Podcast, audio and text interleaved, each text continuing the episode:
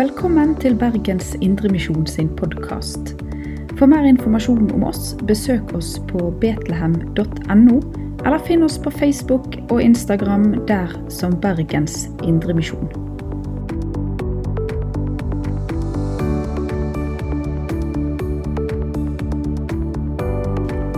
Yes. Kjekt å være her, først og fremst. Så takk for eh, invitasjonen.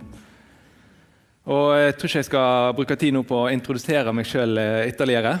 Eh, men jeg skal ta ei kjapp bønn for talen. Gode Jesus, takk for at vi får samles i ditt navn, og at vi får dele ditt ord sammen. Jeg ber Herre om at det jeg skal forkynne nå, at det er eh, rett og rent, og at eh, de som hører på, kan ta det til seg i hjertene sine. I ditt gode navn, Jesus. Amen. Ja, Birgitte sa helt i starten at temaet, eller hovedtemaet mitt for talen skulle være 'Hvor forankrer vi vår verdi?' Og Da skal jeg ikke hoppe rett i, men jeg skal sirkle litt rundt det. Og når jeg senere skal konkludere, da drar jeg opp igjen det temaet. Men dere kan ha det i mente og vite at det er innenpå det temaet vi skal holde oss til. Men jeg skal touche det på forskjellige måter. Og Målet mitt er at dere kan gå herifra i dag oppløfta. Det er mitt mål. Men vi begynner med å lese Galaterne 4, 1-7. Og Det skal òg komme på skjermen, men kanskje litt liten skrift. Men jeg skal òg lese det. La meg forklare dette.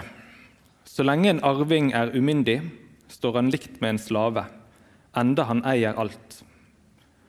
Han står under formyndere og forvaltere helt til den tiden hans far har fastsatt. Slik er det også med oss. Da vi var umyndige, var vi slaver under grunnkreftene i verden. Men i tidens fylde sendte Gud sin sønn, født av en kvinne og født under loven han skulle kjøpe fri dem som sto under loven, så vi kunne få retten til å være Guds barn. Fordi dere er barn, har Gud sendt sin Sønns ånd inn i våre hjerter. Og ånden roper 'Abba, far'.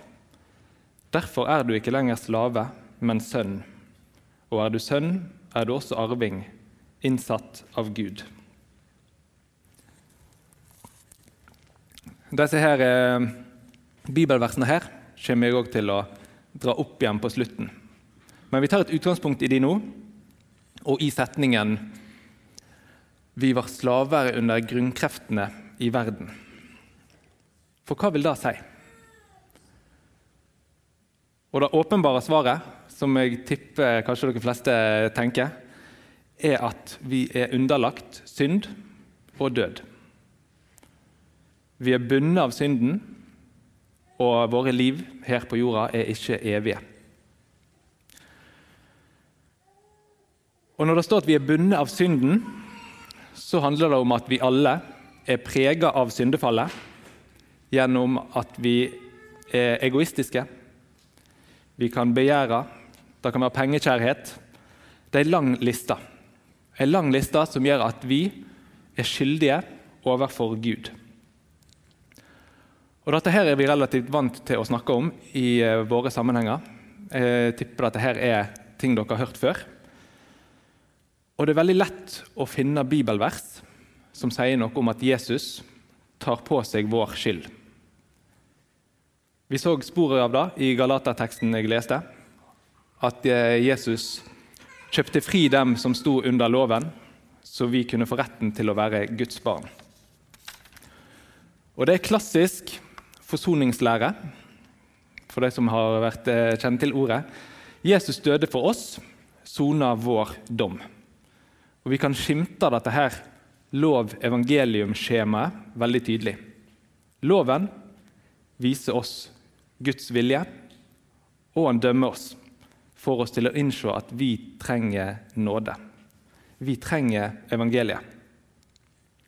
Og som syndere, som vi er, så strekker vi hånda mot Jesus, og hans død sørger for at vår skyld blir tatt bort, når vi tror på Han. Og det er jo helt fantastisk. sant? Dette er evangeliet. Men så har jeg opplevd at for mange, og av og til meg sjøl, så er det et stort men her.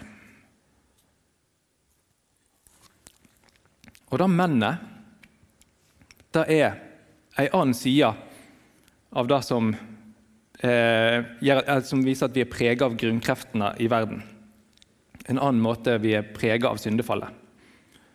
For ofte i mitt liv og i manges liv så oppleves ikke synda mi, eller ting jeg gjør eller ikke gjør, til å være hovedproblemet. Hovedproblemet kan for mange være skammen. Denne følelsen av utilstrekkelighet eller uverdighet. Følelsen av å være dømt av andre. Av å ikke passe inn av å være annerledes, mindre verdt. En kan skamme seg av å være i vanskelige relasjoner. Og en kan ha en følelse av at det er noe galt med meg. Så mens denne skyldfølelsen vi av og til kan føle på når vi har gjort noe galt, eh, så er skammen en følelse av at det er noe galt med meg. Og det stikker mye dypere og er veldig vondt. Og skammen den møter vi allerede rett etter syndefallet i Bibelen. Adam og Eva har eh, spist av frukta de ikke fikk lov å spise av, og de hørte Gud i hagen. Og Det de gjorde da, det var å gjemme seg. Ikke fordi de hadde gjort noe galt, men fordi de hadde innsett at de var nakne. De skamma seg og ville skjule seg. De ville ikke vise seg sånn som de faktisk var. Og Det er akkurat samme mekanismen da, som vi kan oppleve når vi skammer oss.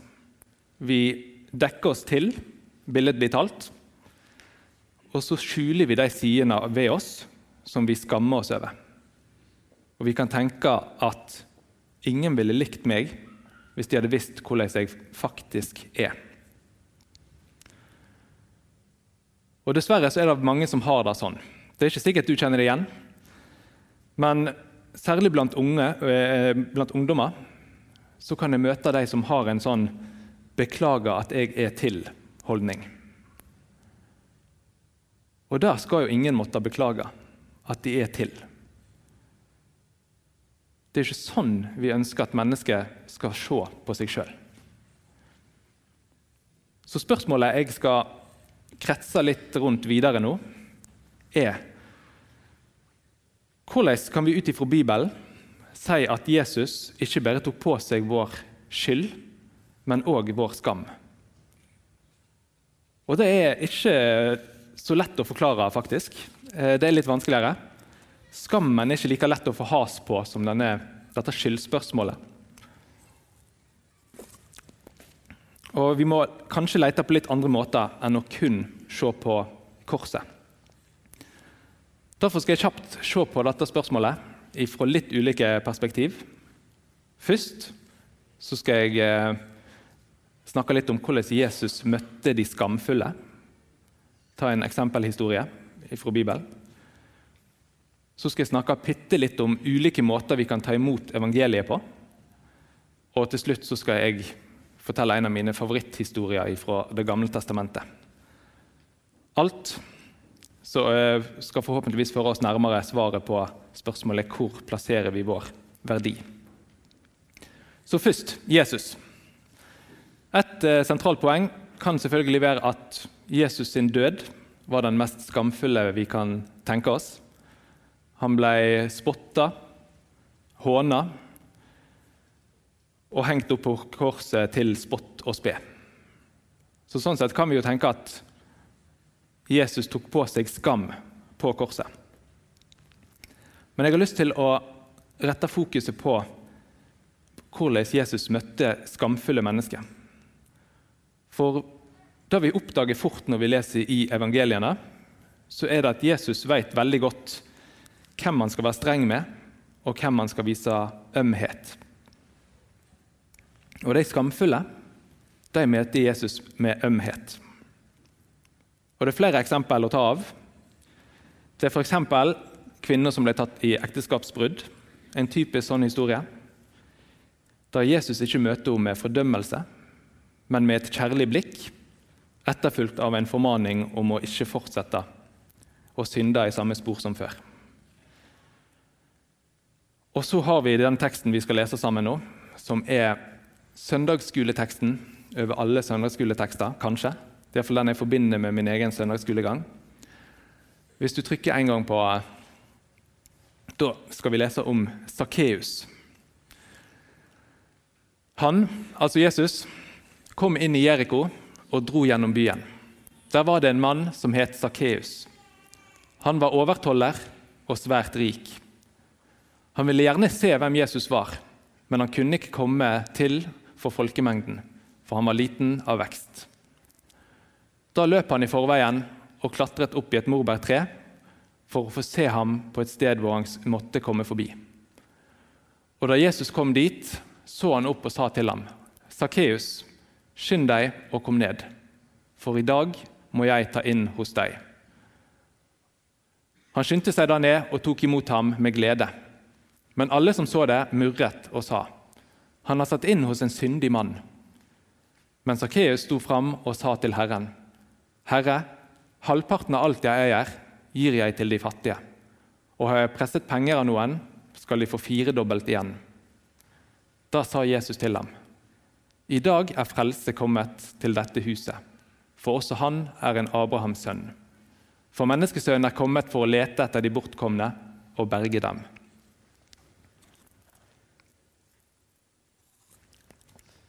Denne historien hørte jeg masse da jeg var liten. Og så er det én ting som jeg ikke tenkte på før jeg ble voksen.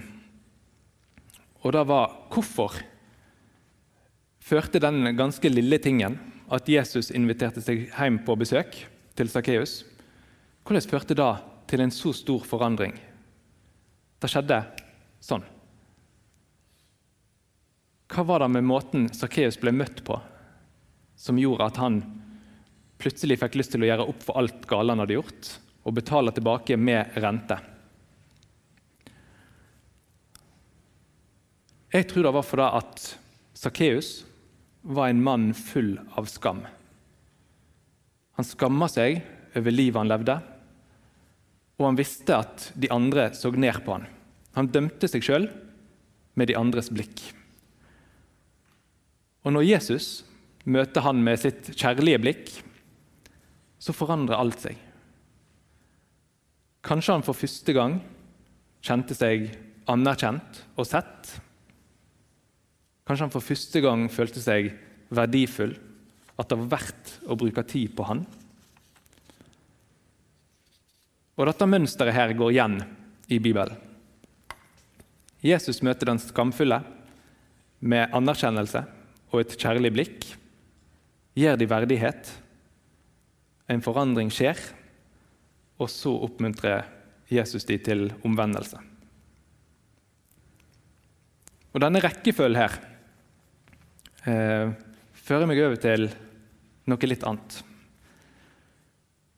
For jeg er veldig sikker på at hvis jeg eh, holder en standard evangelieforkynnelse her, og sier at du er en synder som trenger Guds nåde, så vil det bli tatt imot på forskjellige måter av dere som sitter her. For mange er det kanskje helt greit å høre.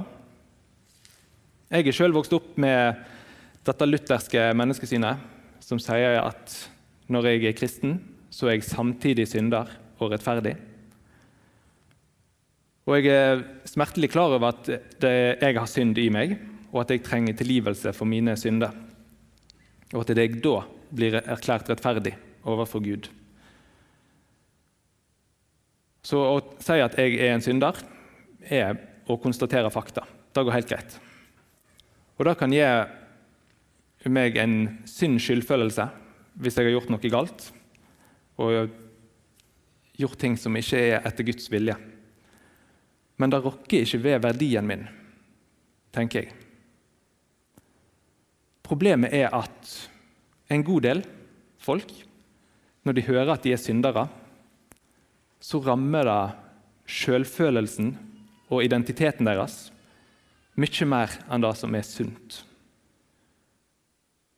Særlig kanskje aktuelt blant unge, men jeg tror alle generasjoner er representert. Og Sakkeus var nok en sånn. Og de kan eh, Det som da kan skje, er at følelsen av verdiløshet blir forsterka. Jeg får jo ikke til noen ting. Ingen liker meg. Og attpåtil så får jeg høre at jeg er en synder. Og Da blir evangeliet veldig vanskelig å begripe. For hvorfor skulle Gud bry seg om å redde en som meg? De graver seg ned i uverdighet. Derfor tror jeg at når vi forkynner evangeliet, så må vi ta utgangspunkt i at vi, alle som en, er skapt og ønska av Gud. Vi må få prenta inn at vi, bare ved at vi er til, er verdifulle for Gud. Fokuset på hvert menneske som skapt av Gud og vår ukrenkelige verdi går innenfor det vi i teologien kaller for skapelsesteologien.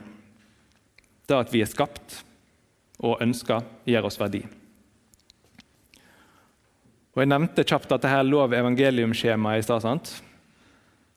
Eh, at loven sier hva som er rett, dømmer oss, viser vei til evangeliet. Men siden det er mange mennesker som trenger en ekstra bekreftelse, trygghet i bunn, om at de er verdifulle, så har det blitt eh, lansert et ganske nytt skjema i teologien som heter 'Skapelse, lov, evangelium'. Først av alt så må faktum om at vi er skapt og elsket av Gud, komme. Først da gir det mening at eh, Gud sendte sin sønn for å frelse oss. Og med den tryggheten i bunn, at vi er elska, tror jeg vi er mer mottakelige for å innse at vi er syndere som trenger Guds nåde. Og da kan skyldfølelsen vi har i oss, være sunn og ikke usunn. Og den måten møtte Jesus mennesket på. Han anerkjente dem, og så kom anmodningen om omvendelse.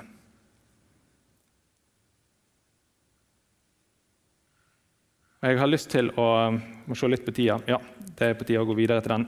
Jeg har lyst til å fortelle en av mine favoritthistorier fra Det gamle testamentet, som handler også om det samme temaet. Og Det er en kjent historie, så det er ganske mange som sikkert har hørt den, men det kan være at noen òg ikke har hørt den før. Jeg eh, var godt voksen eh, når jeg eh, oppdaga den for første gang. Så Først litt bakgrunnsinfo. Vi skal til tida hvor David var konge i Israel. Og Han hadde blitt konge etter en maktkamp mellom han og den forrige kongen, som heter Saul. Saul han styrte på en måte som ikke var etter Guds vilje. Og Da fikk Saul høre rykte om at Gud hadde lyst til å erstatte han med en annen, nemlig David. Og Midt i denne maktkampen da, mellom Saul og David så har vi Jonathan, som var sønn av Saul og bestevenn til David. Og Han ble, ble dratt i to retninger om eh, hvem skal jeg være lojal mot. Sin egen far eller sin bestevenn. Og Han valgte Davids side, og han endte opp med å redde livet til David i det Saul hadde et forsøk på å drepe han. Og Så gikk tida.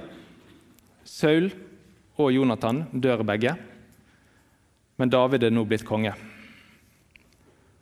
Og David sørger selvfølgelig over tapet av sin beste venn og begynte å kjenne på at Jeg fikk ikke gitt noe tilbake. Jeg fikk ikke gitt noe tilbake til vennen som redda livet mitt. Så derfor klekker David ut en plan, og da kan du trykke én gang. Det er da i 2. Samuels bok 9 vi skal lese noen forskjellige vers.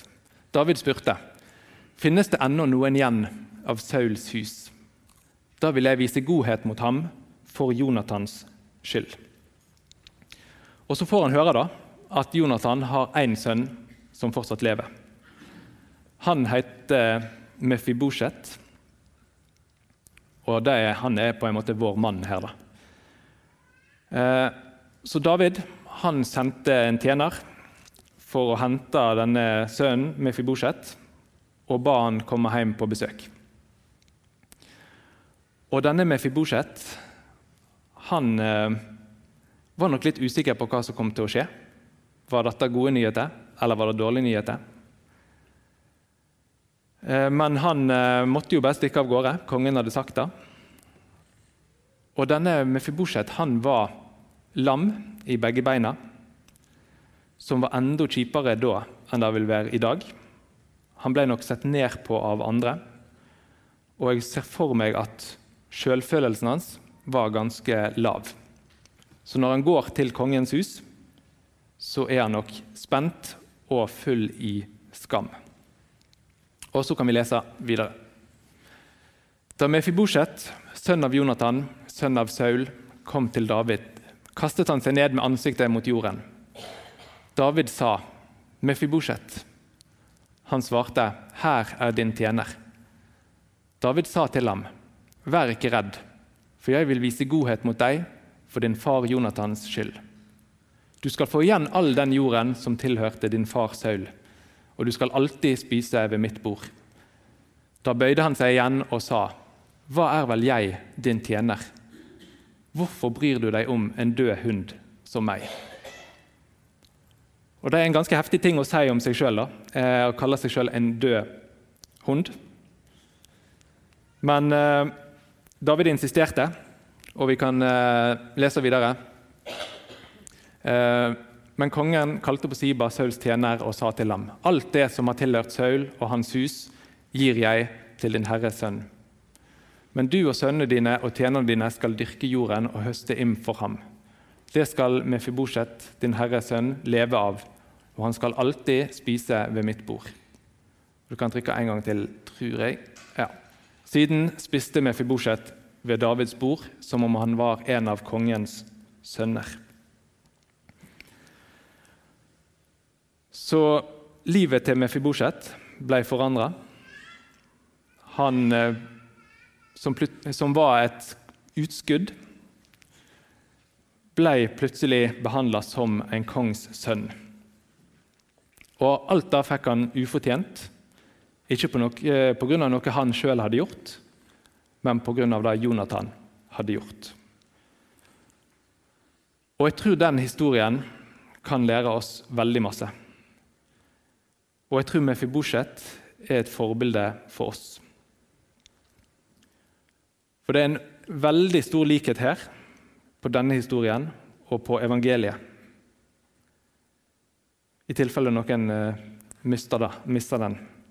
At Jesus døde for oss, og at vi ved trua på Han kan høre Gud til. Ikke basert på våre gjerninger, men av det Jesus har gjort for oss. Og Grunnen til at han er et forbilde, er for det første han lærer oss å ta imot. Lærer oss hva nåde betyr.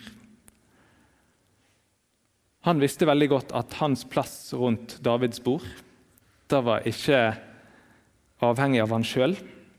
Han hadde ikke gjort seg fortjent til det, og han kunne heller aldri gjøre det.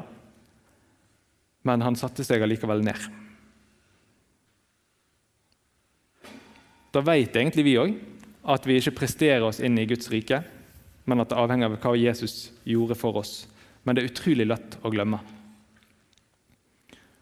Og for det andre så lærer han oss hva vi kan gjøre når vi føler oss uverdige, skamfulle, utilstrekkelige. For han var skamfull, men han satte seg ved kongens bord. Og han ble behandla som en sønn. Da ble hans nye identitet, hans verdi. Og når vi òg kjenner på eh, ting i vårt liv, en følelse av å være lite verdifull, lite elskverdig Hvis vi er misfornøyd med den vi er, så har vi en Gud vi allikevel kan gå til. Med vår skam, med vår utilstrekkelighet. Og jeg tror Gud møter oss på samme måte som David møtte med Fibosjet, med åpne armer.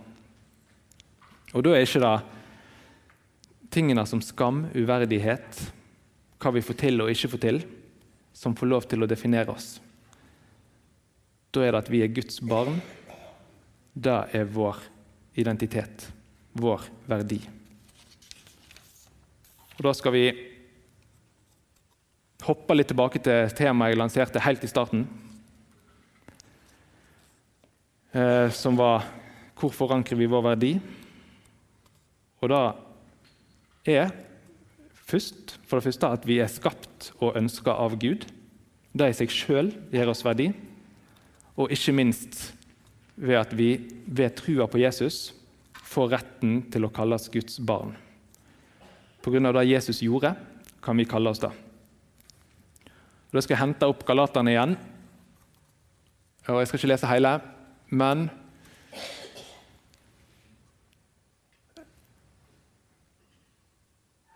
Uh, ja. Da vi var umyndige, var vi slaver under grunnkreftene i verden. Men i tidens fylde sendte Gud sin sønn, født av en kvinne og født under loven.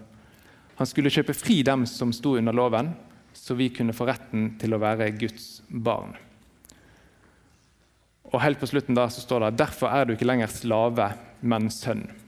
Og er du sønn, er du også arving, innsatt av Gud. Og det skiftet ifra slave til sønn, eller barn, som det like godt kunne stått, er utrolig sterkt. Og det betyr ikke så rent lite. Det er vanskelig å sette ord på. Men jeg skal prøve å si noe om hvor sterk den kjærligheten er. Hvis du trykker en gang til, så skal vi lese hva som blir sagt av Gud i det Jesus blir døpt. Jeg leser bare siste setningen der. Da sier Gud, 'Dette er min sønn, den elskede. I ham har jeg min glede.' Og Jeg klarer ikke å se for meg en sterkere kjærlighet enn den som er mellom Faderen og Sønnen. En evig, udelt, uegoistisk kjærlighet. Sterkeste av det sterke. Og så Hvis du trykker en gang til, så står det i Johannes 15, 15,9 sier altså Jesus, som far har elsket meg, har jeg elsket dere. Bli i min kjærlighet. Og I det verset tror jeg vi finner vår verdi. På samme måte som Faderen elsker Sønnen, har Jesus elska oss. Og der, med den statementen der, kan vi hente ut vår verdi. Vi var verdt for Gud og redda. Ære være Faderen og Sønnen og Den hellige ånd, som var, er og blir en sann Gud fra evighet til evighet. Amen. Du har lytta til Bergens Indremisjon sin podkast. For mer informasjon om oss, besøk oss på betlehem.no, eller finn oss på Facebook og Instagram der som Bergens Indremisjon.